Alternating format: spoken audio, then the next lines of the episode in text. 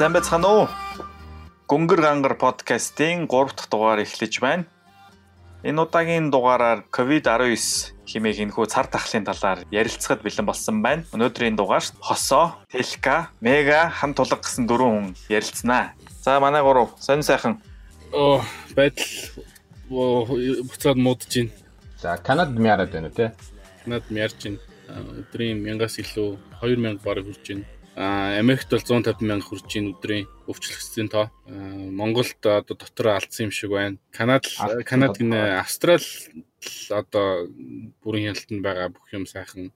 А яг хөө тэгтээ бас дотоодын халдвар тархаж эхэлсэн нэг өөр хотод Adelaide хотод өмнө гарсан байсан Мельбурн Виктория мужул хяналтандаа аваад одоо өнөөдөр 20 хоног дээр ямар ч тохиолдол илрээгүй ерөнхийдөө хяналтандаа оруулсан байгаа.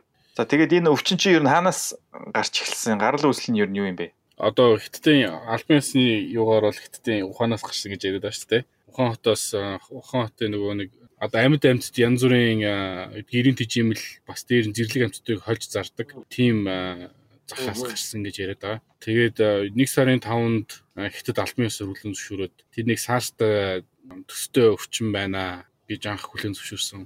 Аа тэгээ сүүлийн тэр бас нэг мэдээгээр Италид 10 сард бүртгэгдсэн байна гэсэн тэр ихтэй яг аль биесны одоо их сурвалжууд дээр батлагтаагүй юм байлээ. Тэр чинь нөгөө сарсан байгууханаас нэг амтнэр үүсрээд тэгээд тэндээсээ хүн рүү халтсан гэж яриад байгаа. Тэгээд миний санаж байгаагаар бол одоо л тэр дундын амтны олоог байгаа. Ямар амтнаар дамжсан. Тэгээд SARS чинь бас яг ямар бас нэг модон дээр модонд амьдэрдэг нэг амтныг амтнаар хоол хийж яхад нэг тоогоочд алдаад тэрнээс хэл бас хэцүү гарсан шүү дээ. Тэгэхээр ер нь тийм хүү төстэй байдлаар гарсан гэж яриад байгаа. Яг тэгвэл тэр нойтон зах чинь амтд ерөөсөө ингээд төмбөн дотор ч юм уу эсвэл нөгөө нэг төмөр юу хайрцаг ингээд нэг онгорхоо юун дотор цагцх юм да. Амтны үрэлэн шиг үү? Тийм амтны торон дотор ингээд зүг давхарлаа тавьчихдаг жижиг амтнуудыг дээр доороо баач хийгээд тэр чинь бүр амар замраагүй энэний үүсэл галын талаар зөндөө хүмүүс маргаж янз бүрийн мэдээ гарч байгаа. Тэрийг бол одоо энэ подкастын сүүлийн хавцаа ярих гэж энэ төгсөлцсөн байгаа.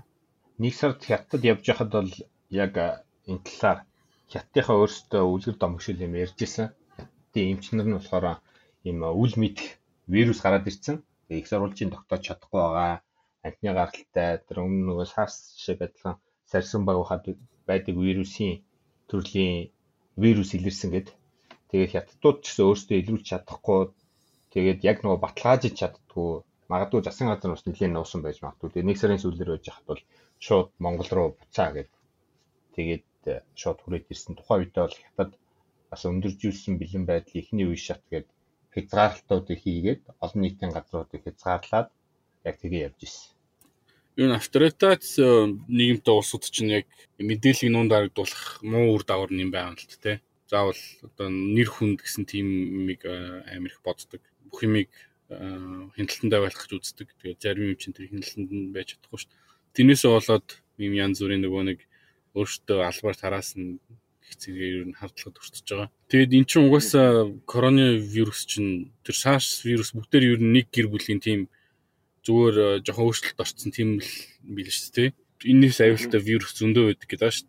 Ялангуяа Австралид би нэг сонсч ирсэн бас сасан баг сарсан багуханд үүрлдэг. Тэгээд а одоо сарсан багийнхны баасаар гарчдаг. Тэгээ заримдаа ингээд адуу мал мэдхгүй тэр нь идээд баг хэдэн цагийн дотор өвчдөг гэж байгаа байхгүй юу. Тийм тийм амар аюултай өвчин тийм сарсан багийнхнаас одоо сарсан багийнхаа харах хулган тэд нар чинь ингээд дандаа өвчин тээдэг өөртөө болохоор нь нөлөөлдөг. Тэгээд дээгүүр тгээ яваад идэг. Хүнрүүл мутацлагдаад одоо хүн хүнд халтсан гэдэг нь хамгийн аюултай болохоос ер нь бол бидний мэдхгүй сонсоогүй ч юм уу маш аюултай вирусууд бид юм л шүү дээ.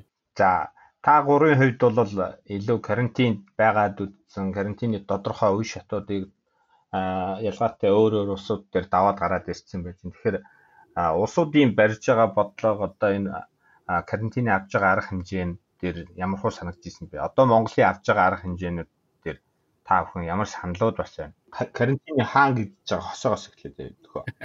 За би ингэсэн.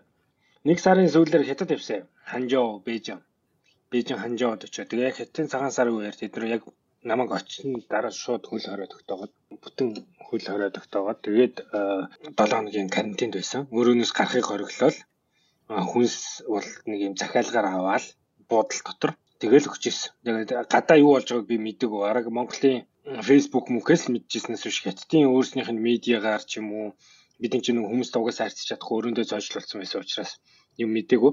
Тэгээд би Бээжингийн хамгийн сүүлчийн Улаанбаатарын онгоцоор ирсэн байхгүй юу? Улаанбаатарт Мят юм билүү дээ. Бүх нислэгийг зогсоосон шүү дээ монголчууд шууд хятадын карантинд тэгээд за тэд нар бол шууд тийм чанга хөл хөл хорой тогтоосон. Яг хятадын цагаан сар давхцаад бид энэ чинь бас илүү хэд оноод гарч чадахгүй байжгаад тэгээд сүүлчийн нислэгээр ирсэн хятадд бол тэгжсэн. Тэр эхэлж явах явцдаа. Тэр миний байсан Ханжуу хот буюу одоо Жижиан мужид бас 10 гаруй тохиолдол илэрсэн байна гэд тэгээд бид нарыг яг хөл хорионд оруулж исэн. А гэхдээ дотоод нийслэг энэ нь бол асуудалгүй явж исэн. Тэгээд намайг ирсний дараа бол бүр чангарсан юм байлээ хөл хорионд. За тэгээд би Улаанбаатарт иж байгаа Сауди Араб руу явсан. Сауди Араб руу 2 сар эдэнд явлаа мига хоёулаа хамт явдаг. 2 сарын 15 6 авцсан явсан баг. Тэгээд Туркт байж байгаа. Туркт бол юмнууд асуудалгүй байсан. Туркт 2 онсон. Аа тэгээд Саудид очиод бас асуудалгүй байж байгаа. 3 сарын яг 9-нд карантинсэн 3 сарын 6-нд тэнцээ ихний тохиолдол нь илрээд 3 сарын 9-нд бүх юма full lockdown хийсэн. Нэг өглөө очиход би нөгөө бас мэдээлэл дутуу үзсэн байсан уу. Ясаа өглөө босоод би шууд нэг уцаа шалгалгүй ажил руугаа явдаг байхгүй. Тэгээд ажил дээр очисон чинь шууд ажлын хаалга цоочтой орхыг ориглон хайргээл тэгээд шалгаж байгаа ажил байхгүй.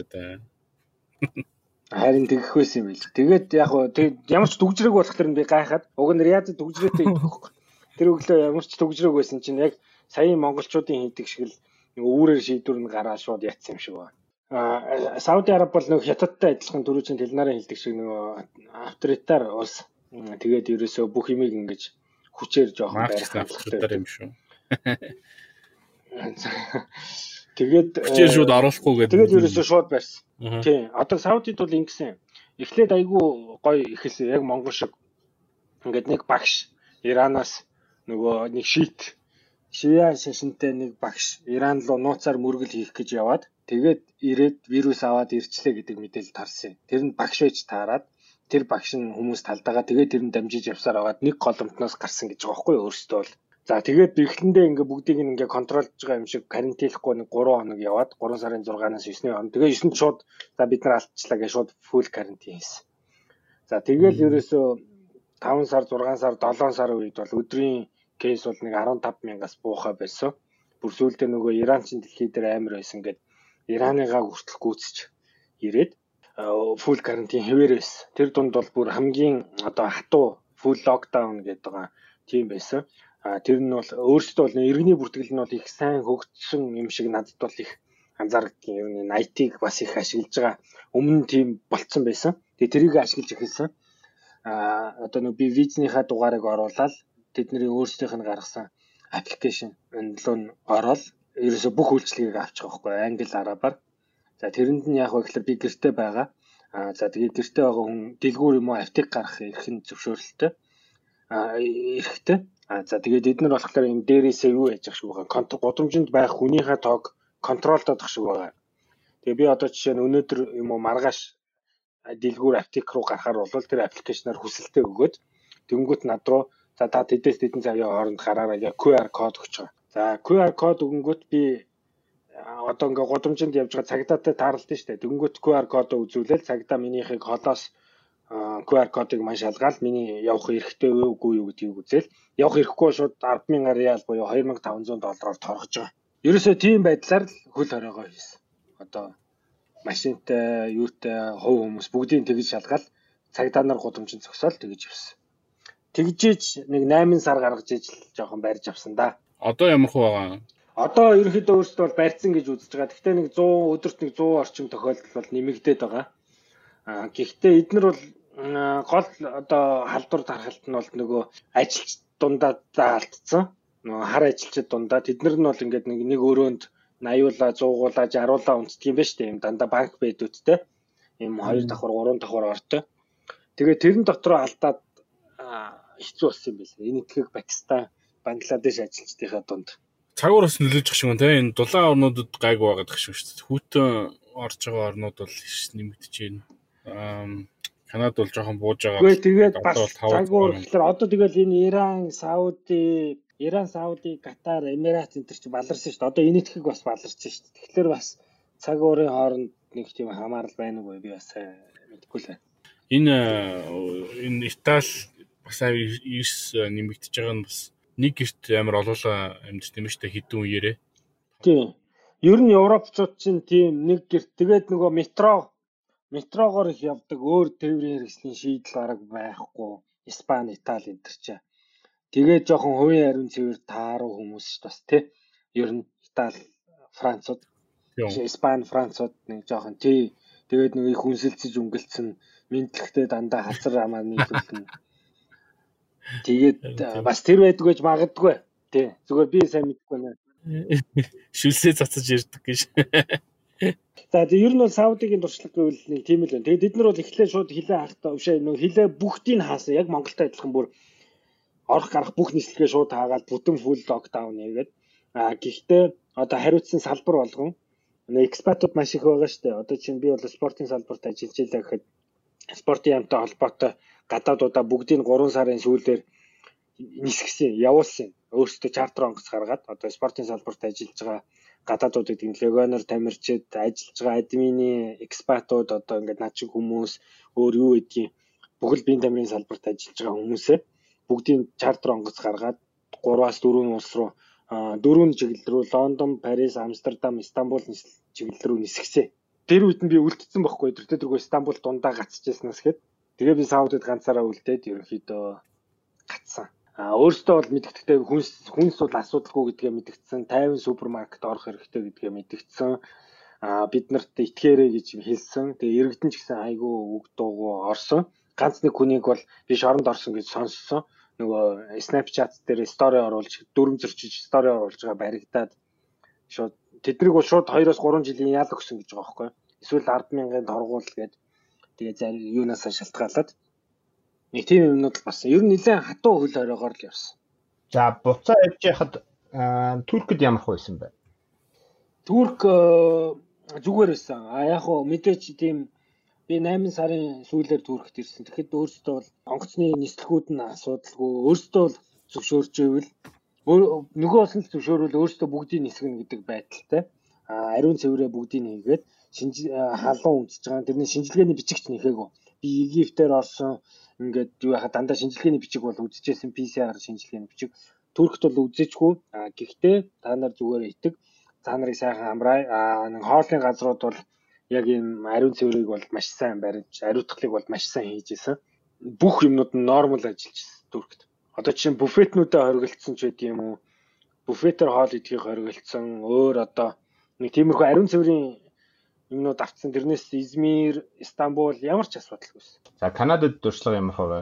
Нислэгүүдээ хаахгүй 2 сарын үеэр яг манай ээж 2 сарын сүүлээр ирсэн баа. 3 сарын ихэр миний санджаар ер нь болохоо байлаа. Тэгээд хүмүүсийг одоо төр гадаад явсан байгаа хүмүүсээ хурдан одоо энэ хувийн нислэгүүд байгаад ирээрээгээд гадны паспорттой хүмүүсийг одоо гадны иргэдийг оруулахыг хориглосон гадагшаа нислэг бол нислэг авч байгаа газрууд руу байгаа л гэсэн. Тэгээд дээрэс нь эдгэр чинь гадаад хүмүүсийг оруулах гэсэн мөртлөө одоо жишээ нь Канадын иргэшилтэй юм уу байнга оршихтой хүмүүсийн хамаатан ойрын хамаатнууд бол ирж болно гэдэг.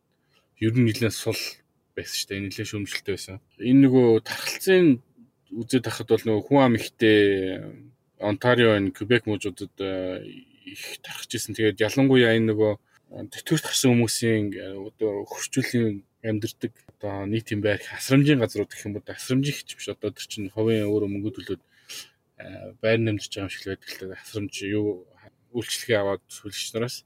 А тэнд бол маш их тархац гарсан а хийх нас орсон тохиолдлууд бол тэндээс. А тэгээд бүх юунуудыг хаасан үйлчлэгээний газруудыг а зөвхөн хүнсний дэлгүүр а тийм хамгийн нөгөө наад захын үйлчлэгээнүүдийг ил нээлттэй байлгана гэдэг бараг 6 сар дээ. Тэгээд нилээн халдварын тохиолдол буугаад өөрсдөө бол магтаал тэгэл нөгөө нэг яг нөгөө оргил үе дээр 2000 байж байгаад чинь сайн 9 сарын их хүн хүртэл өдрийн тохиолдол 300 хүртэл буурсан байсан байхгүй. Тэгээд бүгдээрээ сайн байна гэд тэгээ сургуулаа нээх үү яах уу гэд нилээн маргалдаж хагаад сая тэгээ 9 сард одоо сургуульд ч гэсэн хоорондоо зайтай масктай байна гэд тэгээд ингээ үйл болчлоо штэ. Тэгээ одоо бол маш их нэмэгдэж байна. Э, ер нь карантины үед хүмүүс бүгдээрээ гэрээсээ ажил гэрээсээ л ажиллаж исэн. Аа зөвхөн одоо эмч сүрлэгч, цагдаа тэгээд энэ хүнсний дэлгүүр, бензин түгээгүүр тиймэрхүү газруудын хүмүүс л тэнд яг очиж биеэр ажиллаж исэн болохоос бүх хүн гişтэй офисыг бол бүгдийг хаацсан байсан. Тэр чинь офис баг шаардлагатай үед ганц хоёр хүн л очихоор одоо бизнесүүд бол маш хэцүү хэцүүдсэн л дээ. Тэр чинь ямар ч үйлчлэгээ байхгүй. Тэгээд уг нь ингээд гайгүй давчлаа. За эхний давлгаа ингээд. Тэгээд жоохон жоохон сул тавьсан чи одоо жишээ нь жоохон сул тавьсан гэдэг нь болохоор одоо ресторан үйлчлэхний газруудын хүчин чадлын 50%-аар л ажиллуулна. Тэгээд хоорондоо дандаа зайтай суун одоо чиний ширээнд суухын 3 3-аас илүү хүн сууж болохгүй жишээтэй ингээд бахан хязгаарлалт тавиад нээсэн чинь ямар ч нэмэргүүд чи амар нэмэгдэж чи. Яг тэгвэл тим хязгаарлалт тавилаа гэд яг ороод суухад хүмүүс орж гарan зүрн тэгээд дээрэс нь бас юм нөгөө маскны эсрэг яаж ийн гэд энэ бол ингээд хувилдааны онлмаркийн юм яриад байгаа дээ. Маск чинь бидний ингээд хяналтанд оруулах гэж яаж ийн вакцин гаргана гэж талгаа эрүүлэх нь гэж баахан жигсаал цуглаан болоод чи мянган мянгаараа цуглаад тэндээс бас халдвар гарч байгаа. Тэр нөгөө авторитет биш болохоор хүмүүс чинь ингээд тэнцээд ягаад тахад бас чинь бас нөө хуультай журамтай тэгээд торгож байгаа тэгсэн мөртлөө тэгээд нэмэгдээлэн тэгээд хамгийн том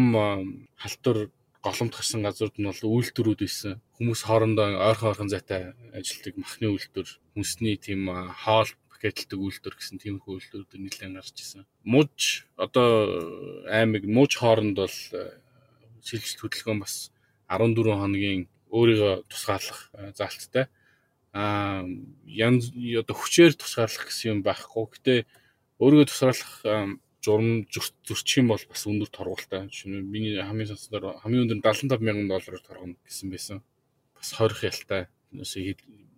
Тэгээд ер нь гэхдээ яг тэгж торгуулж хоригдсон хүн бол байхгүй. Цагдаа нар бол ихэнхдээ зөв хэрэгжүүлэх гэж хүмүүс одоо суртлах хуулга явуулж боловсрол олох тал дээр тэгж жоохон хөнгөл хандсан л та. Тэгээд одоо бол маш өдөрт одоо 6000 бараг хүрч байна. Тохиолдол.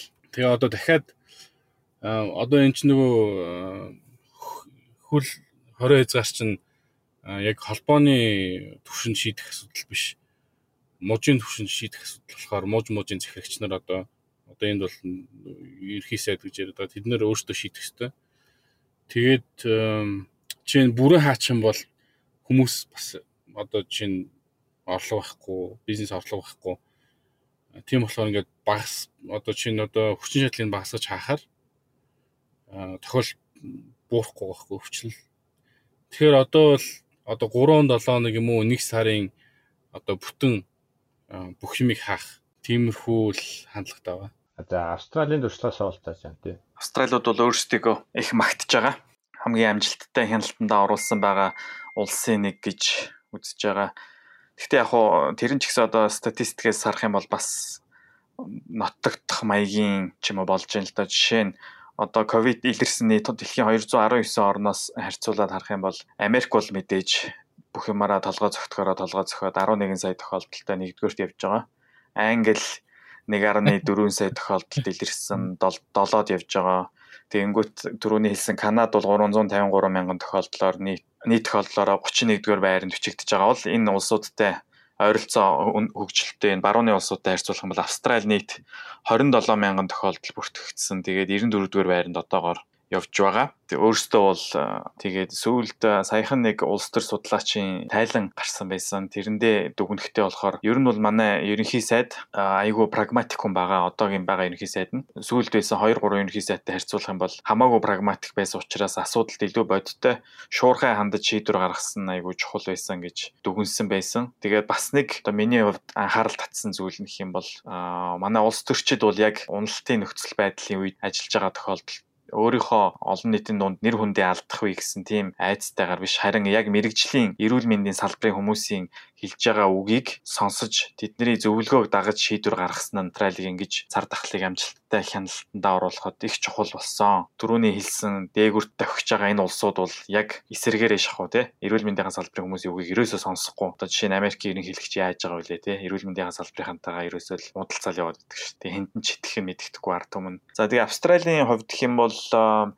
сарын сүүлээр 4 сараас гээл кейсүүд тохиолдлууд нэмэгдэж гарч эхэлсэн. Тэгээ яг одоогийн байдлаар түрүүн хэлсэн нийт 27 мянган тохиолдол илэрсний 75% нь Австралч өөрөө 6 муж бүс нутагт хуваагдаж байдаг. Тэгээ тэрний Виктория гэдэг мужид нь ерөнхийдөө нийт бүртгэгдсэн тохиоллын 75% нь бол оногдож байгаа. Тэгээд 8 дугаар сарын үед бол нэг өдөрт 800 орчим тохиол бүртгэгдчихсэн. Одоо бол хамаагүй багассан. Одоо сүүлийн 20 хоногт бол тэр Виктория мужид ямар ч тохиолдол нэмж бүртгэгдээгүй гэсэн амжилттайгаар явж байгаа. Тэгээ үүнийг ч гэсэн Европын зарим нэг улсууд жишээ нь Ирландууд туршлагаасан судлыг ямар ямар арга хэмжээ авч хэрэгжүүлсэн гэдгийг туршлагаасан судлаад байсан. Ерөөсөө л хамгийн байж болох хатуу хөл хоройг тогтоож байгаа. Жишээ нь хэм бол тухайн өрхөд амьдарч байгаа хүн 5 км радиусаас холдож болохгүй. Тэгээ өдөрт бол зөвхөн хүндэтгэх шалтгааны бол нас гарч болно. Гарахтаа тухайн өрх бүрээс нэг л хүн гарна. За тэгээд нөгөө хүндэтгэх шалтгаан гэх юм бол нөгөө хүнсээ цуглуулах ч гэдэг юм уу эсвэл зайлшгүй эмнэлгийн тусламж авах шаардлагатай болж гэдэг юм уу. Би бас нэр тийм биш нэг нэг өрхөөс нэг хүн гэдэг дандаа хүнсээс үг. Тэгээд нөгөө сургууль угаасаа хаацсан. Бизнесийн байгууллагууд угаасаа бүгд хаацсан. Тэгээ яг хоо Викториад яагаад 800 орчим кейс гараад эхэлсэн гэхээр тэр бас их сонирхолтой. Бусад улсуудтай адилхан гаднаас ирж байгаа нислэгүүдийг хаасан. Тодоос явж байгаа нислэгүүдийг бол цөөлсөн. Виктория болохоор яг л адилхан гаднаас ирсэн хүмүүсийг зочдуудад 2-7 хоногийн хугацаанд карантинд оруулаад байрлуулж исэн тэр буудалд ажиллаж исэн security тий хамгаалтын албаныхаа ажилтан нь тэр буудалд карантинлэгчсэн хүмүүстэй тодорхой хэмжээний контакт үүсгээд тэгээд мөнгө төгрөг аваад нөгөө хүнийг нь оройн цагаар өрөөнөөс нь гаргаад тиймэрхүү тохиолдлууд болоод. тийм тэр гаргасан хүн нь яг бас ковидтэй болж таарад тэгээд мэдээж нөө хамгаалтын ажилтан ч гэдэг юм аа. Тэгээд цаашаа нөгөө гарцсан байх хоорондоо мэдээж чинь ковид халдагаа авчиж байгаа. Нэгдүгээрт тэр хоёр дахь гол үүсгэсэн хүчин зүйл нэг юм бол нөгөө Америкт нөгөө Black Lives Matter гэдэг нэг хөдөлгөөн өрнөсөн шүү дээ. Тэрний яг Австрали дахь хувилбар нь бас яг 7 сар ихэрч үлээ. Тий жигсаал болоо. Тэгээ яг тэр жигсаалд оролцож исэн хүмүүс дундаас нэг нь ковидтэй болж таараад тэгээд нөгөө оролцсон хүмүүс чинь ташраараа ковид тараахсан гаргасан шийдвэрээ хэрэгжүүлж байгаа арга нь бол торгуул шүү дээ 3000 доллар орчмоор торгож ийсэн ч гэдэг юм уу. Тэгээд бас мэдээ уншиж хахад тэрийг зөрчөөд нууцаар нэгнийдээ төрсөн өдрийн пари зохион байгуулж байгаа. Тэгээд 20 илүү 30 мянган доллараар торгуулад миний амьдралдаа хамгийн зохион байгуулсан хамгийн үнэтэй birthday пари боллоо гэх нэг тийм мэдээ бас гарцсан л байсан. Тэгэнгүүт бас нэг улс төрийн зүгээс их юм бол Австрали улсын ерөнхий сайд нь улсынхаа хэмжээний засгийн газартай холбооны засгийн газар гэж яриад байгаа. Тэрнийхээ дотроо мужуудынхаа ерөнхий сайд нарыг оруулсан тийм өргөтгсөн кабинет маягийн механизм байгуулад тэгээд улсынхаа нэгдсэн төвшөнд ойлголтод илүү хурдан хурдан хүрж явах тий шийдвэрүүдээ одоо бие биентэйгээ уялдаа холбоотой гаргахад тий координац дээр бас нэлийн төлхөө анхаарч ажилласан юм бэл. Одоо юу гэдэг юм бэ? Монголчууд улсын онцгой комисс гэдэг одоо нэг юм боди байгуулчаад байна шүү дээ тий. Тэрэн шиг emergency committee гэдэг юм уу тийм байгуулсан уу? Америкчин Америкчин task force гэж байгуулсан шүү дээ. Энд бол тийм Тий Австралийн хувьд гэх юм бол одоо хараад ахад ерөөсөө муж болгоны ерөнхий сайд нар нь өөрсдөө гол мэдгдлүүдээ өдөр болгоныхоо мэдээллүүдийг хийж байгаа, гол гол шийдвэрүүдэд танилцуулж байгаа. Гэхдээ яг тэр хүний яг хажууд нь зогсож байгаа хүн бол тухайн мужийн Chief Health Officer буюу эрүүл мэндийн одоо салбарыг хариуцж байгаа хамгийн том албан тушаалт нь зогсож байгаа. А өөрөөр хэлбэл яг Монгол шиг тэгэж онцгой комисс ч юм уу emergency байгууллагуудаас бол ямар ч тийм төлөөл харагдахгүй байгаа. Тэгээд одоо жишээ нь миний амьдарч байгаа энэ Австралийн нийслэлийн бүс нутаг гэдэг засаг захиргааны байгууллагын хувьд гэх юм бол одоо эн чинь болохоор эрүүл мэндийн хувьд онц байдал зарлаа гэж байгаа. Тэгэнгүүт одоо юу гэдэг чинь галт төмөртэй харьцуулахад арай өөр хэлбэрийн онц байдал зарлж штэ. Тэгэх юм бол хинт хариалуулах вэ гэдгээс шалтгаалаад эн чинь одоо эрүүл мэндийн асуудал яригдж байгаа учраас түрүүний хэлсэнчлэн тухайн мужийнхаа хамгийн эрүүл мэндийн өндөр албан тушаалтанда хариуцуулчих тийм байна л да. Түүмэр гэх юм бол одоо түрүүний хэлсэнчлэн emergency байгууллага тий онцгой комисс нь хариуцдаг юм уу тэгэж явт юм бэл. Ягаад тэгэхээр өнгөрсөн 100 жил Австрал чинь тэр чигээрээ төмөр тавтаад боо юм болоогүй юу. Тэгэхэд бол жинхэнэ нэг онцгой комисс нь гарч ирж байгаа. Манайх тэгэхэд одоо бүх юм айн цэрэг хувцастай хүмүүс даатгацаад байна шүү дээ. Төмөр унтраадаг хүмүүстэй даатгацаад байна шүү дээ. Тийм байна. Тэрүүгээр ялгаатай. Тэгэхээр халдварын төвийн имж бас тэр комиссийн гишүүн биш үү? Аа байгаа. Тинчээ чи одоо жишээ нь бүх л салбараас байгаа. Одоо харилцаа холбоо, медиа, гадаад харилцааны яам гэдэг тэр комиссд нь бол аль болох олон юунууд байгаа л та. Стейкхолдер болгоноос л оруулах гэж үзсэн баг. Гэтэ яг гүйцэтгэлийг нь бол тэр улсын улсын онцгой комиссийн шуурхай штаб гэдэг нэг тийм аппарат гарчаад байгаа шиг байгаа. Бас нэг юм яг гүйцэтгэх ба юу. А шийдвэрүүд нь бол тэр онцгой комисс гэдэг нэг тийм стейкхолдер болгоноос гарсан хүмүүсийнхээ хурлаас гараад яг гүйц шийдвэрийн тэнцээ гараад гүйцэтгэл нь бол улсын онцгой нөгөө юу л онцгой байдлын ерхий газар дээр нэг тийм аппарат аппарат тэ аппаратнасаа гүйцэтгэл нэгээ тэр нөгөө цэргийн золтой хүмүүсээр улсын онцгой аппарат гэдэг улсын онцгой комисс дээр онцгой байдлын газар улсын онцгой аппарат ажилладаг юм биш. Тэгээ шуурхай штаб штаб гэдэг байгаа юм л та тэр аппаратаар нэрлэхдээ шуурхай штаб онцгой комиссийн шуурхай штаб гэдэг байгаа юм. Тийм л юм болоод байгаа шүү. Хэцүү те яад үл хүмүүс ирэх хөдөлгөөнийг хаачхаар амар хэцүү байхгүй. Яг нөгөө дайнд ч гэсэн эрсдэл гардаг 12 мянган хүнээс болоод 3 сая хүнийг эрсдэлд оруулахгүй гэсэн юм ал хаад байгаа л да. Гэхдээ бол хүмүүс э, одоо манай э, тэр хин ажиллаж байна э, сөүлд элчин сайдтай ажиллаж байна амар хэцүү ер нь хүмүүс онгоцны буудалтай шатанд орлон унтж шít. Сая жишээ нь дотор халтур алдлаа гээд 17 халтур гарлаа гээд голомтын хайж олох тогтоож штэ. Тэр хооронд яг одоо очих гэсэн хүмүүсийг бүгдийг зогсоож шаардлага байсан ч юм уу ч юм уу. Бүх орон байрыг бэлтгэсэн байсан юм сте. Тий. Тэгээд тэр чинь гаргаж байгаа шийдвэрүүд хүмүүс тустай тоо байх байна. Тий. Яг очиж исэн хүн дундаа бас гацсан байгаа байхгүй юу? Яг дүлэг маргааш ингээд Франкфуртын онгоцыг бол шууд бас дамжаад нисэн нэгээд тий. Европын болгоосаа хэцүүдсэн байлээ. Франкфуртын онгоцыг бол тэгсэн шүү дээ. За бусад улсуудын хувьд хүмүүсээ татах асуудал дээр яаж ажиллаж байгаа? Одоо Канад, Австрали гэх юм бол замраагүй их хүн дэлхийд дээр л байгаа шүү дээ. Канад их шууд эхлээд өрөөлжсэн л одоо хувийн онгоц нисэж байгаа үед эйрлэнүүд нисэж байгаа үед өөртөө ир а хэрвээ ирэх мөнгө байхгүй бол хөнгөлөлтөд 5000 долларын зээл тэрийг аваад тэгээ ир. Тэгээд нислэг байхгүй болцсон үед яг яг харахгүй гацсан хүмүүсийг чартер тэндээс татсан. Тэгээд э, ер нь бол энэ тэнд үлдсэн гэсэн гомдол гараагүй шүү дээ. Сауди болохоор яг тэр Сауди Airline-аараа дамжуулж баахан чартерын онгоц нисгсэн юм байлээ.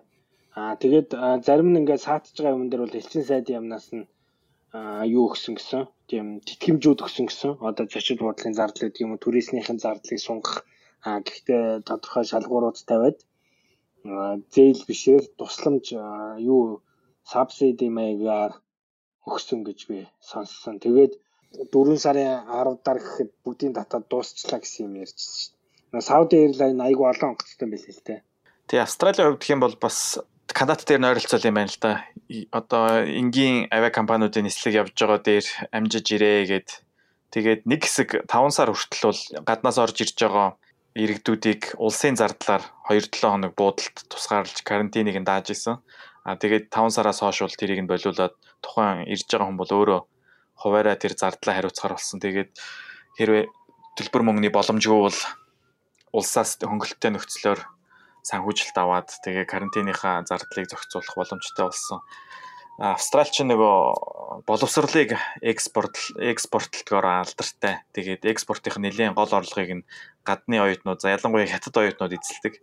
Тэгээ нөгөө хилийн хаачингууд хятад оюутнууд визээ авцсан мөртлөө орж ирч чадахгүй болцсон.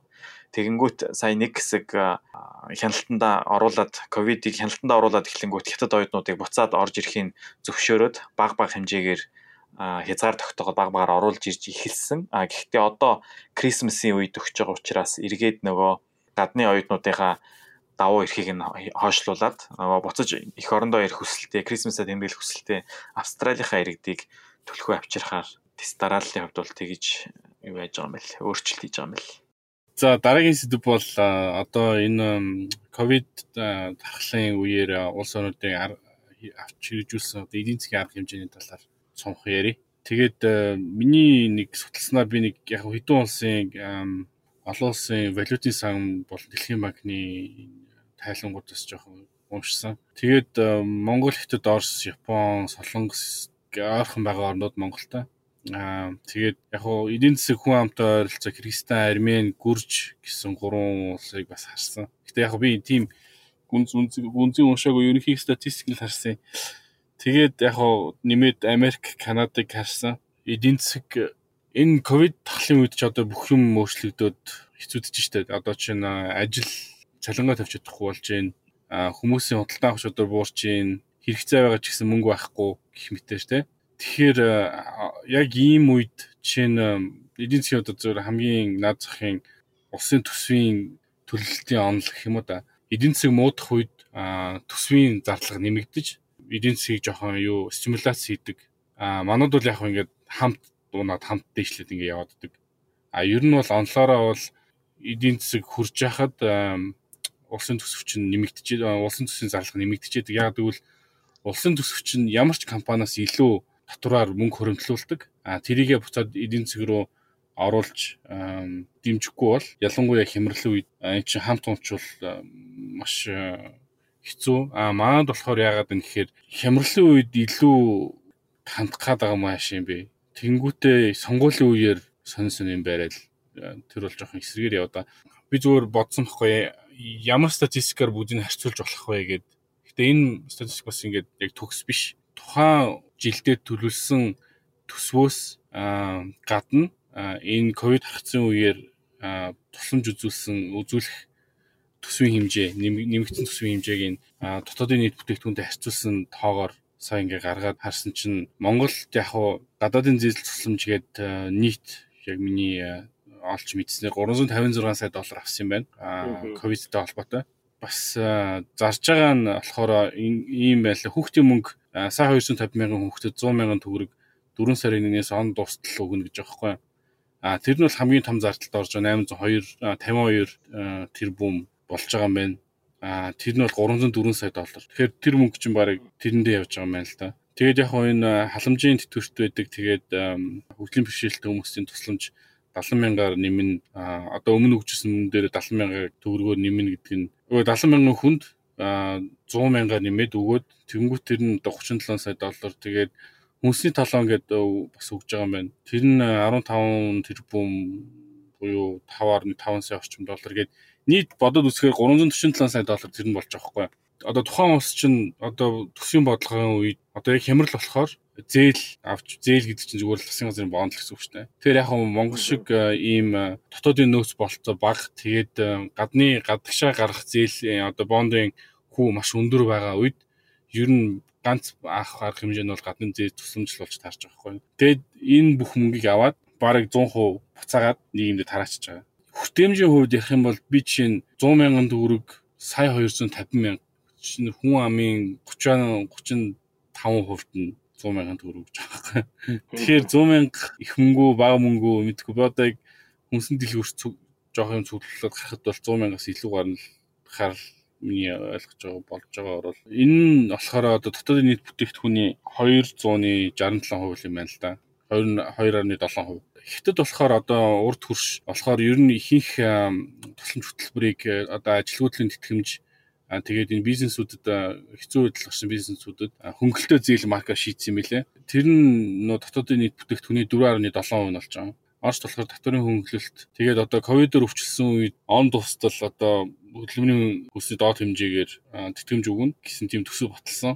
А тэр нь болохоор энэ дотоод үндэстэн 4.2%, одоо Хятад 4.7, Орос 4.2, Монгол болохоор 2.7 байгаа юм. А Япон болохоор ерөөсөө энэ хөгжилтэй орнуудын нэг онцлог нь болохоор эдийн засгийн итвэх буураад эхлэнгүүд бодлогын хүүг бууруулад тэр хэмжээгээрээ маш хэмжээний засгийн газрын бонд гаргаад зээл авч ин гэсвчтэй. А хичнээн их авсан ч гэсэн одоо нөгөө хүүний зардал нь бага болохоор маш их хэмжээгээр зээл аваад тэрийг буцаад эдийн засаг руугаа оруулж байгаа байхгүй тусламж маркаар. Японых бол 21.1 хувь байгаа. Жин 5 триллион долларын эдийн засгтай улсын 21% нь тэгэхээр бас маш их мөнгө зарж байгаа. Тэгээд Солонгос бас адилхан ихэнхийн бизнесүүд зориулсан хөнгөлөлтөө зээлээр тусламж үзүүлж байгаа. Яг тэгвэл бизнес чинь гол нь цалингаа тавьчиж хүмүүс түрээсээ төлн хоол хүнсээ аавна. Ажил ажилтнуудаа халахгүй. Аа тэгээд эн чинь 14% зарж байгаа юм байна. Аа тэгээд манайхад одоо ойролцоо хөнгөтэй манайхаас ч баг ер нь нэлээд буурал та. Кыргызстан улс ихэд байдаг хэмжээгээрээ 200-аад сая доллар зараад ер нь 2.4% орчим Армен 8.5 бас хийх нь хөнгөлтөө зээл бизнесүүдэд Тэгээд Америк болохоор яг хөө жижиг одоо энэ сонгуулийн жил болж байгаа учраас бас нэлээд одоо ер нь бол Америк тусламж үзүүлэхдээ хамгийн одоо чинь хөгжиж байгаа орнд хөгжсөн өндөр хүчлэлтэй орнд дотроос хамгийн муу хамгийн капиталист орн штэ. Тэгсэн мөртлөө жижиг дунд бизнесүүдийн чинь зээлийг хаах гэх мэтэр нийт дотоодын бүтээгдэхүүний 11% буюу 2.1 хэдэн тэрлион доллараар тусламж гаргасан. Аа тэгээд одоо миний хамгийн сайн мэдэх бол Канадын гаргасан арга хэмжээ нь бол ковидос болж ажиллаа алдсан бол сая хүний 3 сараас эхлээд 9 сар хүртэл хүний 2000 доллар өгчсэн. Аа тэгээд одоо 9 сараас 3 сар хүртэл хүний 1800 доллар сарын. Тэгэхээр яг эхний 3-аас 6 сар хүртэл бараг 8 сая хүн хамрагдсан билээ. Тэгээд нийт энэ гаргасан одоогор гаргаж байгаа зардал нь болохоор дотоодын бүтээгдэхүүний 16.4% Тэгээд бизнесүүд болохоор 70% хүртэл цалин дөхөн одоо ажилтнуудын цалин татаас өгч байгаа юм байна. Тэгэхээр одоо ажилтнууд одоо чи бизнес эзэлдэг хүндээ одоо ажилтнаа цалин 50 гот чи 30% мэлтүүлнэ 70% нь ус төлнө гэсэн үг байхгүй. Тиймэрхүү арга хэмжээ авсан. Тэгээд эдийн засгт бол энэ жил дэлхийн эдийн засаг 4.9%-аар агшиж байгаа юм байна. Тэгээд хамгийн том агшлалтай нь бол хөгжиж байгаа өндөр хүчтэй орнууд. Нь Америк, Европ, Япон, Англи гэх мэт бусад өндөр хөгжилтэй орнууд бол нийт 8%-аар агшиж байгаа. Хасах 8%. А хөгжиж байгаа орнууд одоо хятад, энэтхэг, зүүн өмнөд Аз, Орос, Сауд, Бразил, Мексик гэх орнууд бол нийт дунджаараа 3%-аар агшиж байгаа юм байна. Татасыг бас ингэж яриад байна л да. Ковидоос хойш одоо энэ хөдөлмөрийн зах зээл маш том өөрчлөлт орно. Яагаад гэвэл зөндөө одоо өндөр хөгжилтэй орнуудын ялангуяа жоохон ийм оффист офисын орчинд ажилладаг хүмүүс бол гэрээсээ 7 хоногт нэг удаа нэг өдөр ажиллах тиймэрхүү горимтой компаниуд маш олон байсан. Одоо болохоор ер нь бол гэрээсээ ажиллаад иж болох юм байна.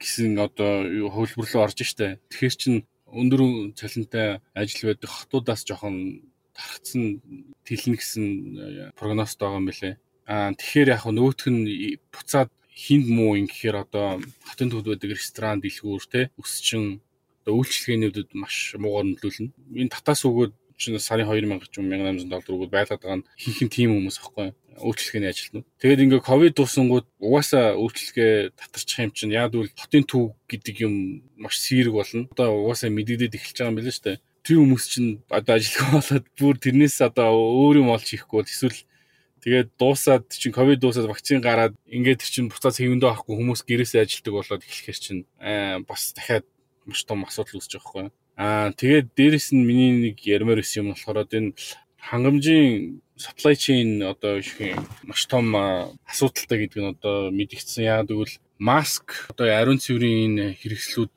эмнэлгийн маск халаад жишээ нь их их нэгтэдэд үйлдвэрлэдэг болж таарсан. Яагаад гэвэл хямдхан яг хэрэгтэй болсон чинь хаан ч одоо өөртөө хийх үйлдвэрч байхгүй. Хөгжилтэй орнууд яг нэг сард 3 тэрбум орчим долларын маск Канадаас хятад иргэд аваад шууд унгаар явуулсан бид юм билээ. Тэд нар бүгдээр хятад үйлрсэн маск ахгүй. Тэгсэн мөрчлөө тэрийг аваад буцаад явуулсан байхгүй. Тэнгүүт 3 сард нөгөө маск хэрэгтэй болсон чинь хаач байхгүй. Тэр чинь бас улс төрийн том асуудал үүсгэж байна л чинь За бид нар тэгвэл өөрсдөө юм үйлдвэрлэх хэрэгтэй байна. Тэгэхээр өөрсдийн үйлдвэрлэлөө одоо чинь зах зээлийнхаа чөлөөт эдийн засгийн онолоороо явах юм бол тэр чинь гаднаас олон улсын хөдөлгөөн зөвшөөрөгдөж байгаа үед гаднаас хямдхан байхад дотроо үйлдвэрлээд ямар ч хэрэггүй шүү дээ.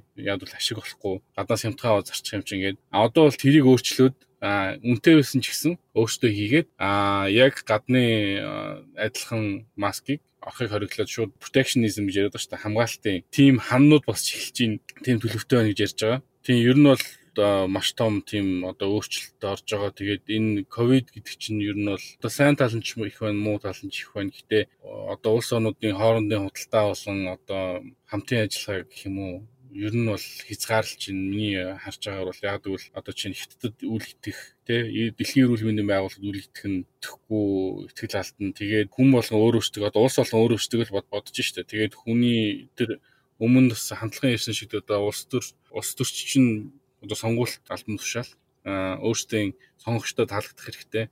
А сонгогчдын нийт сэтгэл бол юу вэ гэхээр бусдыг бодож яах юм өөртөө яа гэж гэсэн чиглэлтэй ер нь тиймэрхүү болж байна. Тэгээ ер нь ингээл дэлхийн ертөнцийн бол шал өөр болчлаа шүү дээ. Одоо нөгөө хилээд байгаа шүү дээ хүмүүс чинь пост ковид. Тэгээ эн чинь дэлхийн 2 дугаар дайнаас хойш болсон хамгийн том хэмжүүлэлчүүд байгаа байхгүй юу? Дэлхийн техник хамснаа.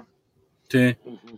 Манай Монгол улсын хувьд чинь болохоор ерөөсөө одоо ийм онц байд иймэрхүү хязгаарлалтанд орж исэн үе чинь нэг байхгүй туршлагаараа 2008 он 7 сарын 1-ний сонгуулийн үеэр онц байдал зарлж исэн. 96 онд Улаанбаатар хотод холиор гараад нэг хэсэг хязгаарлалтанд орж исэн. Өөр туршлага байхгүй. Тэгэхээр одоо ерөнхийдөө бол олон улсын том туршлагуудаас хуваалц хуваалцах, суралцах тийм хэрэгцээ шаардлага байгаа л хэл та. Хөдөлгөөн үйдэгч нэг юм те одоо улс төрч ч юм уу тэр тухайн улсын институтыг шийдвэр гаргаад тэр чин зааварчлага гаргаж штэ. Тэгэхээр хүмүүсийн ухамсар биелүүлэх ухамсар хэрвээ нэгдээс бүх юм шалтгаалаад байна л да. Яг тэгвэл Канадад жишээ нь 50-аас илүү хувийн дэд боловсролтой одоо энэ зааварчлагыг дагаад сайн дураар ингээд хүчээр хэрэгжүүлэхгүй үед болно ингээд өөрсдөө юм чинь магтаад болно гэд үзээд тэгсэн чинь тийм биш л байхгүй юу. Тэгэл гараал нийлээл 10 хэдүүлээ нийлээд одоо чинь нөө пари пари birthday party хийдэг ч юм уу эсвэл пабд очдог ч юм уу олноороо цугладаг жигсаа цуглан хийдэг ингээд тархаад байгаа хгүй туршлага судлаад гээд одоо гоё зааварчилгаа гаргаад арга хэмжээ аваад тухайн хүмүүс хувь хүн тэрийг биелэхгүй бол одоо чинь за би яавал гэжтэй гэдгсэн бодлоор хандаад ах юм бол би нэг юм хэлчихэ. Ямар ч нэмэргүй байхгүй. Энэ дээр нэг анзаарчихсан юм их юм бол хятад анх энэ кейс үүсээд яаж анх хямарж ийла. Тэгэнгүүт Америк гарч ирээд одоо ингээд тэргүүлэх байр сууриа эргээд олоод авцсан. Тэнгүүт нэг миний ажигласан юм бол яг иймэрхүү тохиолдолд Аз хүмүүс бол сахилга баттай байх талаасаа бол одоо энэ Европын ч гэдэг юм уу те бусад үндэснүүдийн хувьд бол хамаагүй сайн байна шүү гэдгийг бол анзаарсан шүү. Ууса яг Солонгос Японд ч маск зүүх зүгээр энгийн үйл хүм бол маск зүгэл явж байдаг. Яг тэгвэл жоохон өвдчих юм бол хүнд халдаахгүй гэсэн үднээс тийм уусаа тогтцсон соёлтой. А энд болохоор жишээ нь энэ Америк тийм үү Европт маск зүүхээр намайг одоо баг эрхийн минь хорлоо байрлаа даралчийн дээрлэгчийн гэсэн маркер ханддаг байхгүй. А өөр газар маск зүүхээр одоо жишээ нь би өвчин авахгүй гэсэн үднэс зүүдэг. А Япон солонгост бол би өвчин тархахгүй гэсэн үднэс зүүдэг. Яг хоёулаа зөвл бүр сайн. Одоо энэ дэлгүүр дотор ингээд маскгүй орж ирчээд боо хэрүүл үүсгээд тий тиймэрхүү тохиолдол маш их байна. Австрали, Америк ч гэдэм юм энэ барууны өндөр хөгжсөн орнууд анх вирус гараад эхлэхэд хятадууд бол ерөөсөө л за амны хаалт зүү те маск зүү гэдэг зөвлөгөө өгөөл.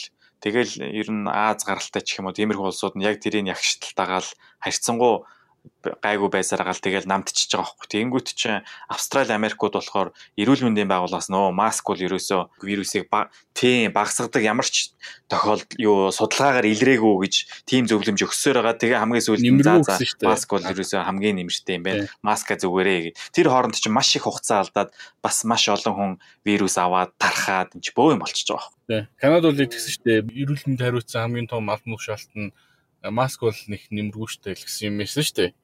Сүүлдээ л тэр юугаа өөрчилсөн тэр Америкийн Fauci ч гэсэн маск тийм үр дүнтэй биш миш. Шинжлэх ухааны судалгаагаар нотлогдоогүй нотлогдоогүй гэсэн юм яриад тэгээд хүмүүс чинь бүр толгойн ирж байгаа л одоо л маск сууж эхэлж байна. За вирус Монголд дарахчлаа. Дэлхийд даяар дарахад Монголд маань ороод ирчлээ. Тэгэхээр энэ вирустай холбоотой нааштай мэдээ байна уу? Вакцины сураг юу вэ? За бүгдээрээ сонссон угаасаа Pfizer чинь 90% амжилттай болж байна гэдэг. Тэгээд өнөөдөр бас тэгэхэд 95 гэж шинжилт мэдээлсэн. Moderna 95% амжилттай гэсэн байгаа. Гэхдээ нөө хадгалтын гормон нь бас амар хэцүү юм л шүү дээ. Pfizer чинь 70 хасах 70 градуст тээвэрлэнэ. Moderna нь хасах 20 градус тээвэрлэх хэрэгтэй. Тэгээд Монголын хувьд сая дахиад нэмж 50 сая доллар дэлхийн банкнаас өсөлт өгсөн байлаа вакцин бодлож авъя гэдэг. Гэхдээ хаас авах юм бас мэддэг. Оросын Спутник вакциныг бол Төв Азад, Казахстан, Кыргызстанд бол захиалсан байлээ. Аа Монголыг хаас вакцин авах гэж бол мэддэггүй. Гэхдээ Дэлхийн эрүүл мэндийн байгууллагын зөвшөөрсөн вакциныг аавна гэсэн мэдээлэл хийсэн байсан. Уг нь вакцин чинь өөс 10 жил болж гарт юм биш үү нэг вакцин. Тийм баг. Тэгэхээр бас нэг тэгэхэд эн чинь хэдэн үр дүн яг үнэхээр нааштай эерэг байж те шинж нотлогдсон байх. Тэгээ нөгөө сөрөг үр дагавар нь хүн болгон дээр бас гайгүй байх нь гэдэг чинь дараагийн асуудал болчиход байна тий. Одоо Австралийн засгийн газар ковидтэй яаж тэмцэж гин гэд нэг сайт байгаа юм л да. Албан ёсны Австралийн одоо төрийн сайт гэсэн үг шүү дээ. Энэ дээр нэрээ бас нэг юм нэмээд хэлэхэд Монголын Монголын хувьд гэхэд одоо вирус гараад бараг жил болох гэж байна. Тэгж яхад ерөөсөө ямар ч төрийн албан ёсны ковидтэй холбогдлолтой мэдээллүүдийг тараадаг тийм албан ёсны сайт байхгүй байгаа нь жоохон тиймэрхүү байгаа. Тэгэхээр уулын сайттай болчих юм бол мэдээлэлээ дор дорн шинжилээд өгөөд байвал зүгээр юм болоо гэж бодоод байна. Австралийн засгийн газрын яг албан ёсны дээр сайт руу нарангууд хамгийн түрүүнд тэгж байгаа Австралийн засгийн газар COVID-19 цар тахалтай тэмцэх үднээс дараах арга хэмжээг авч хэрэгжүүлж байна гэд нэг ойролцоогоор 10 авч хэрэгжүүлж байгаа ажлаа бичсэн байгаа. Тэрний хамгийн ихэнд нь тэгж байгаа. Оксфорд их сургуулийн туршиж байгаа вакцины амжилттай болох юм бол урьдчилж хамгийн түрүүнд авахар зохицуулсан гэдэг тийм заалт оруулсан. Тэр их сонирхолтой санагдсан. Тэгээ манайх энэ яг хэвлэл мэдээлэл тал дээр бол угаасаа айгүй дутуу ажиллаж байгаа юм шиг санагдаад байгаа. Хэвлэлийн төлөөлөгч нар ерөөсөө ажиллаа хийхгүй 2 3 сараас хойш энэ нэг нямхуу илүү нөгөө нэг э, халдвартын тэр нэг хачин юм нь ерөөсөө гарч ирж баахан илий балаа юм ярьдаг.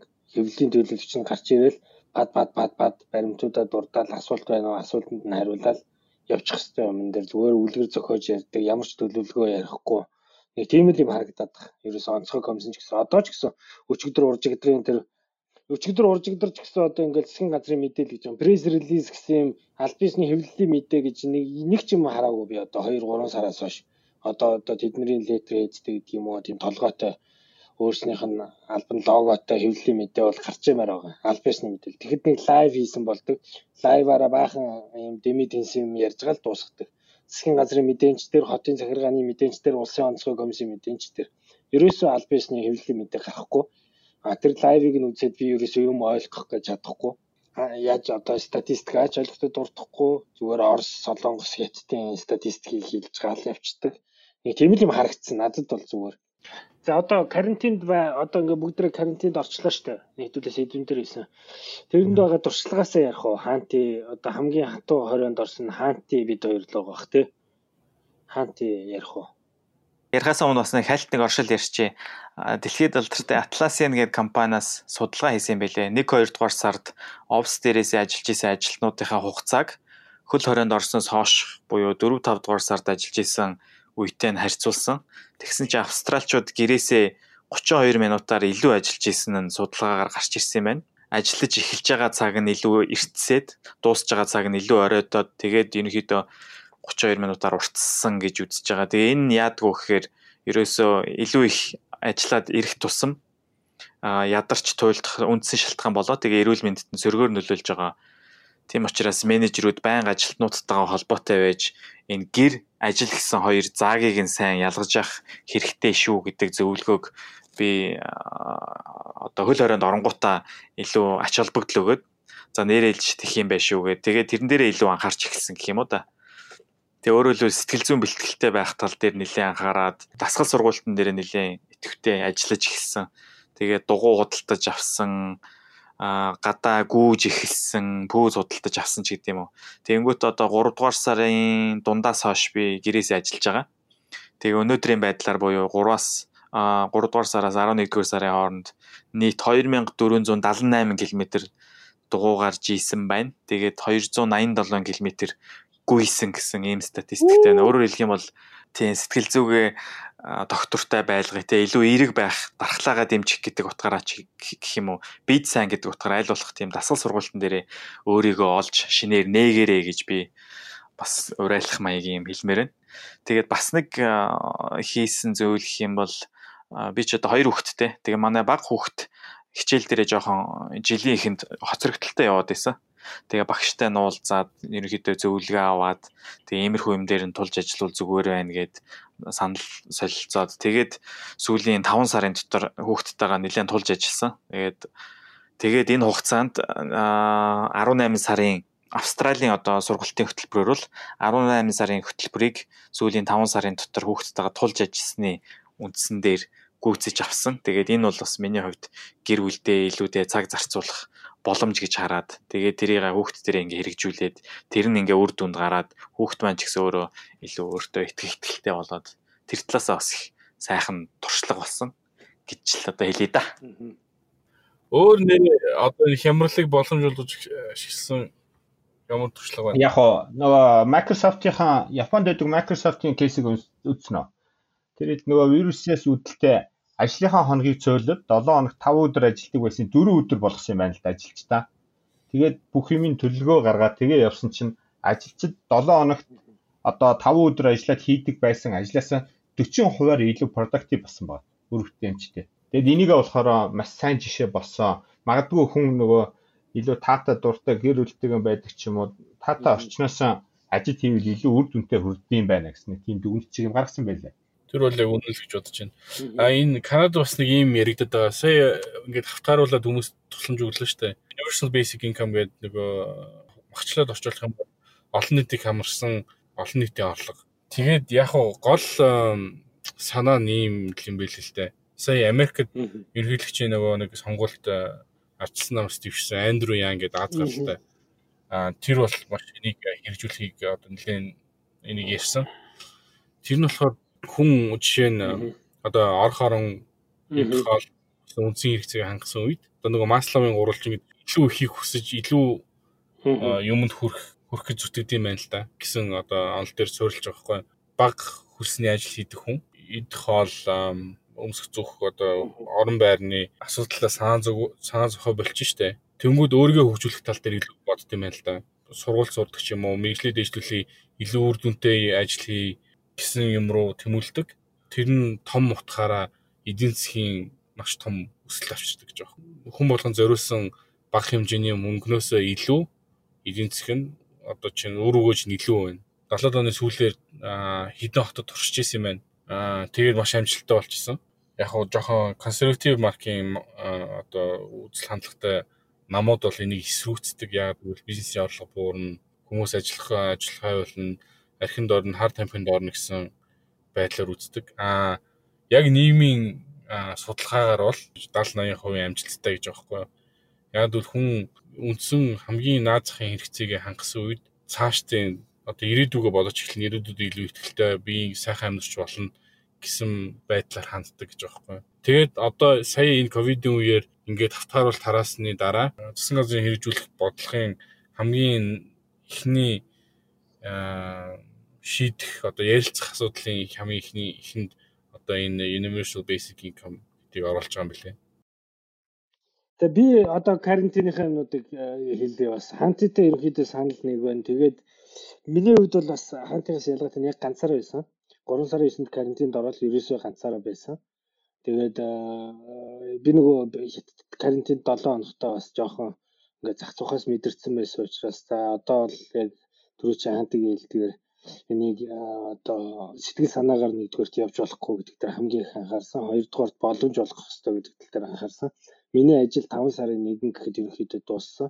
Дөрөвчийн телнарын хэлж байгаа шиг нөгөө юу яд юм байна онлайн ажиллахлаар илүү завгүй болдго юм байна. Одоо чинь би физикл ажиллаж исэн бол одоо өдөрт 3 уулзалт хийж амждаг байсан бол онлайн байсан бол бараг 6 уулзалт хийж байгаа байхгүй юу. Ерөөсөө зүүмээс зүүмийн хооронд нэг уулзалт дуусаад бараг өдрөө айгу нарийн төлөвлөхөөс аргагүй болоод их бүр бүр их завгүй болдгийм байлээ.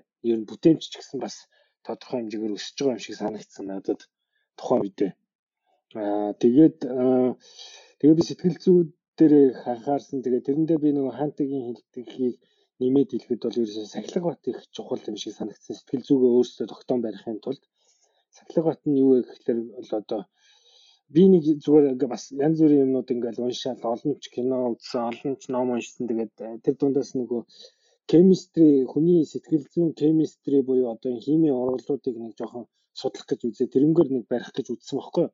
одоо хүн ер нь яавал одоо стресстэй вэ нөө кортизолын хэмжээ ихсээд те кортизол ингэж стрессийн одоо хим ялгараад гормон ялгараад стресстэй юм байна. За тэгвэл энийг хаах ямар юмнууд байна гэж одоо эндорфин, допамин, серотонин, окситоцин гэл тэгээд эднийг яаж авдгийг нөхдгийг тэгснээр кортизолыг яаж борлох уу гэдэг нэг жоохон тийм байдлаар хандах гэж үзээд За тэгээд тэр нь буцаад нөгөө дөрөв чи ханддаг ийдэг биеийн тамирын асуудлууд, хүнтэй харилцах асуудлууд энэ суур болж байгаа юм шиг байгаа байхгүй. Тэгээд одоо чинь допамин ихтэй байх юм бол одоо юу яаж байгаа стресстэх магадлал нь өөрөө бас өөрчлөж байна. Энэ үеийн баланс алдагдахлаар л буцаад унчих магадлал өсөх юм шиг болоод За жишээ нь допаминыг бид нар одоо юунаас авдгийг те одоо тэр хантыг илдэг 100 км дугуйж ихээс авч байгаа байхгүй. Тэр нөгөө зорилгоо биелүүлвэл допамин ялгардаг юм байна л да. Тэгэхээр би нэг зорилгоо нэг арай багаар сет хийгээд өөрийнхөө өрөөнд жижиг өрөөндөө нэг өдөрт 100000 галах чийж би заавал өнөөдөр ачив хийсэн гэж үзнэ. Гүнгөт тэр чинь өөр сэтгэл санааг өргөх амар 100000 дуусчихвол сэтгэл санааг өргөх нэг тийм амар гоё юм болдгийм байна жишээ. За тэнгуү серотонин бас нөгөө яг алхалтанда биеийн тамир хийхлээр серотонин ялгардаг юм байна. За тэгэл одоо окситоцин яд эндорфин хоол хүнсээ зохицуулахаас ахуулаад үзэж байгаа харж байгаа юм ингээл тийм байдлаар бас нэг авах гэж үзсэн. Яг ганцаар байсан болохоор би одоо чинь 3 сарын 9-нд карантинд ороод тэрний өмнө 8-нд энтрлийнхаа ажлынхантайгаа гармаар байрал байсан л та. Аа тэгээ 3 сарын 9-нд карантинд ороод 9 сарын донд хүртэл Улаанбаатарт карантинаас гарч иртэл ерөөсөө хүнд нэгч физикл тааж игээгүй хүнтэй ерөөсөө харилцаагүй байгаа хөөх. Яг харилцсан л та. Аа бүр ингэж рил харилцаа үүсгээгүйсэн юм байлээ. Тэгээ тэр дунд ерөөсөө намайг аварсан юм баг би ингэж тэр гэж би зүгээр дотроо бодож байгаа. Тэгээ одоо миний хувьд дахиад дараагийн карантинда байгаа Монголд гэртээ байгаа. Тэгээд дахиад яг түрүүчийн хантыг хэлдэг одоо гэр бүлтэй байна гэхэлэр бүр хамаагүй гоё. Тэгээд нэмээд одоо өмнөх туршлагууд байгаа учраас би одоо энэ карантиныг илүү гэр бүлтэйгээ ойртох. Тэгээд тэрэн дээр стресстгүй яаж бусад юмтайгаа холбох. Одоо энэ хүмүүс чинь 3 хоног галзуурах гэдэг энэ төр гэл юмнууд яриад штэ тий. Энийг яаж одоо эсрэг яах вэ? гэдгийг яриад одоо нэмээд хүүхдүүд онлайнаар хичээл хийж байгаа хүүхдүүдийнхээ бүтэн онлайн хичээл яг бүр надад бол бүр баг эсрэгээрээ юм гоё байгаа байхгүй одоо нэг хүүхдүүд өглөө хичээлдээ явчихдаг байсан бол би одоо ингээд ажилгүй байгаа хүн учраас ингээд одоо бүтэн гэрийнхэнтэйгээ яг бүх юмаа зориулаад хийж байгаа нь бас илүү боломж гэж харах талаас нь зүгээр юм болов уу гэж хараад байгаа. Тэгэхээр ерөнхийдөө биеийн тамираа маш сайн хийж гоё хоол идэх сэтгэл санаагаа л унгах нэг унчвал хэцүү гэдэг аа бас харсан. Тэгээд тийм л юм байлээ. Тэгээд би сая ингээ өнгөрсөн тоног бол ерөөсө балконо янзллаа. Тэгээд балконо янзллаа. Нэг өдөр болгоно нэг жижиг жижиг таскуудтай тэгээд нэг тийм л байгаа. Би бол яг ингээл карантин эхлээл тэгэл яг 4 ханы дунд тэгэл яг өөр нь бол 6 7 одоо 8 6 7 сар байсан шүү. Тэгээд хүүхчин цэцэрлэг гэж байхгүй. Тэгээл яг гэртээ 7 хоногт нэг удаа хоолоо хүнс цуглуулдаг.